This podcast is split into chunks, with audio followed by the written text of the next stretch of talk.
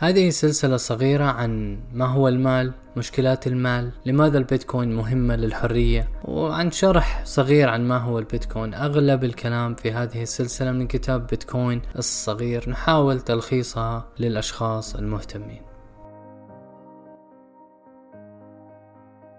كما ذكرنا سابقا فإن إحدى السمات التي لا مفر منها للنقد المركزي أن من يصدر العملة يمكنه أن يضخم النقد المتداول بشكل تعسفي أو أن يطبع المزيد منها على هوى وبينما تتم هذه العملية في كثير من الأحيان بوتيرة أكبر وبقدر أكبر بكثير من قبل الأنظمة الاستبدادية أكثر من من الديمقراطية فإنه أمر يحدث في جميع المجتمعات. في فيلم باجزي إذا شاهدته تبيع الشخصية الرئيسية الأسهم الورقية لكازينو للمستثمرين مرارا وتكرارا إذ يبيع لكل شخص ما مقداره 20% من الكازينو مقابل 10000 دولار أمريكي ويجري هذه العملية مع أكثر من 10 عشرة مستثمرين محرفا الحصة التي اشتروها من الكازينو. يفترض كل مستثمر أنه يمتلك الآن 20% من الكازينو لكنه يمتلك بالفعل أقل من ذلك بكثير بينما يستفيد باجزي لأنه يحصل على أموال أكثر بكثير. تواجه كل سلعة مركزية نفس مشكلة الدوافع. فيمكن للسلطة المركزية أن تخلق المزيد من هذه السلعة مخففة القيمة لجميع أصحابها الآخرين. عادة ما تقوم البنوك المركزية التي تطبع المزيد من الأموال بنية تحقيق أهداف إيجابية مثل بناء البنية التحتية أو دعم برامج الرعاية الاجتماعية أو لتحقيق الاستقرار في حالة الأزمات الاقتصادية. لكن تذكر تأثير كانتيلان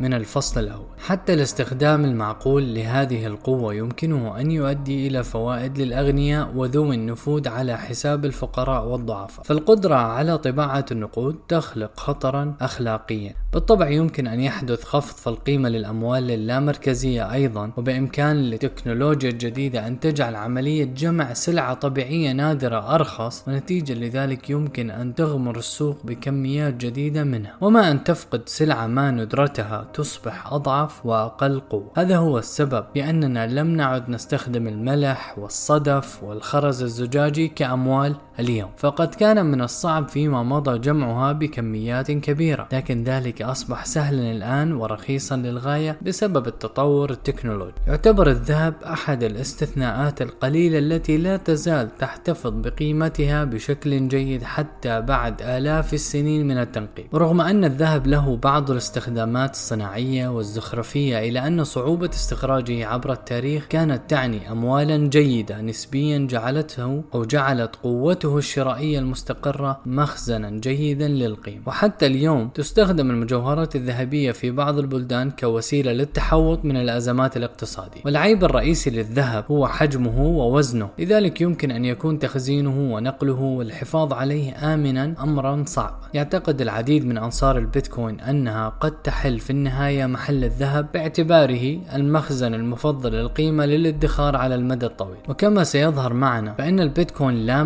مركزية وأكثر ندرة من الذهب لكنه أسهل بكثير في النقل والتخزين بشكل آمن.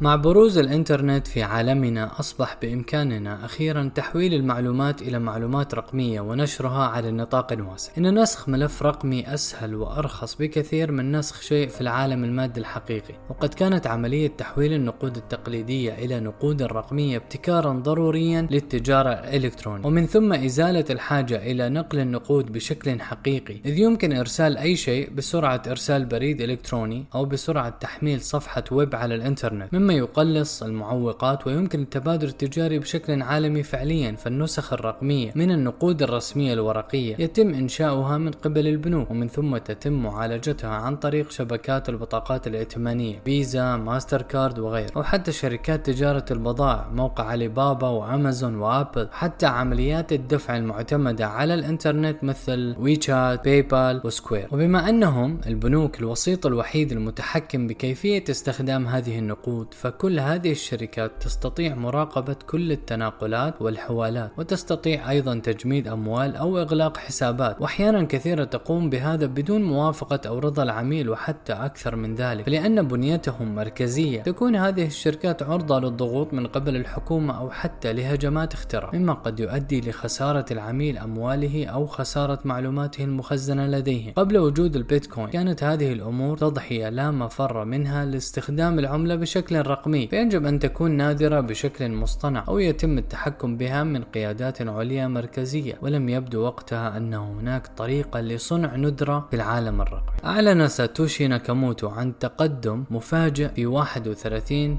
من تشرين الأول أو جانيوري لعام 2008 وذلك بعرضه البيتكوين كعملة رقمية جديدة تقوم فكرة ندرتها بشكل أساسي على حقيقة أن هناك عددا محدودا من الأشياء في العالم الرقمي أصلا وهي أعداد نادرة إن بعض أكثر الأعداد ندرة هي الأعداد الأولية فالعدد الأولي مثلا كاثنين ثلاثة وخمسة يمكن قسمته فقط على الرقم واحد أو على نفسه. وتكثر ندرة الأعداد الأولية كلما تقدمنا على المستوى العددي بأعداد أكبر. مثال بين واحد والمئة هناك 25 عدد أولي. فتتوقع بناء على هذا أنه يوجد 250 عدد أولي بين رقم واحد ورقم ألف. لكن الحقيقة أن هناك فقط 168 عددا أوليا بهذا المجال والأعداد الأولية تصبح نادرة جدا بعد 100 مليار. لدرجة أن هناك بحث وسباق رياضي عالمي على إيجاد العدد الأولي الأكبر. بشبكة البيتكوين يحدث توليد عملة بيتكوين عن طريق منافسة عالمية يبحث المشاركون فيها عن الأعداد النادرة تماما كما يتم البحث عن الأعداد الأولية. ويمكن ذلك من وجود ندرة لا مركزية في العالم الرقمي مما يجعل ابتكار ساتوشي مميزا وعصيا على الفهم. كان أي نوع من الممتلكات قبل وجود البيتكوين إما مركزيا بشكل كامل كشراء قطع الذهب بلعبة مثلا Warcraft الإلكترونية أو ماديا كشراء الفضة أو يمكن إنتاج قدر غير محدود من ملفات MP3 الصوتية. فببساطة لم يكن هناك ممتلكا لا مركزيا ورقميا يوصف بالندرة قبل وجود البيتكوين.